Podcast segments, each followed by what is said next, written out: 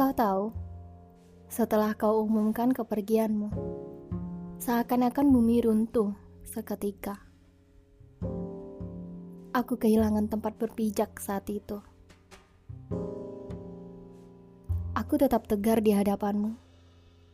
Meski rasanya duniaku hancur. Air mata seakan memaksa keluar. Aku tahan semuanya agar kau tenang dan tidak menganggapku seperti yang kau pikirkan. Menganggapku lemah menganggapku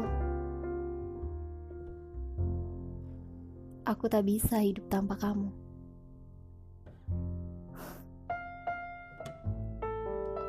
Setelah kepergianmu, banyak hal yang aku lakukan untuk penyembuhan hati ini.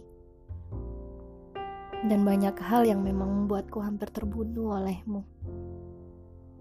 Aku pikir dulu patah hati tidak sesakit dan sekonyol yang pernah ku tonton di TV. Dan ternyata memang begitu adanya.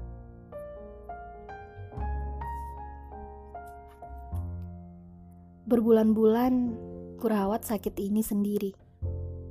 Kulawan hati serta pikiranku agar aku bisa pulih. Bisa hidup normal senormal. Selayaknya manusia normal. Jangan mengingat dia, jangan mengingat dia. Itu kalimat setiap saat aku lontarkan pada diriku sendiri, supaya bisa mengobati hati. Dan ternyata caraku salah, cara paling benar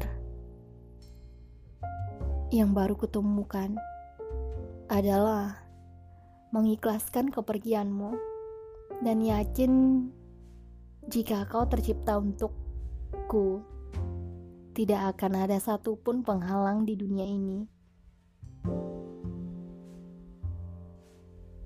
yang menghalangi aku dan kamu,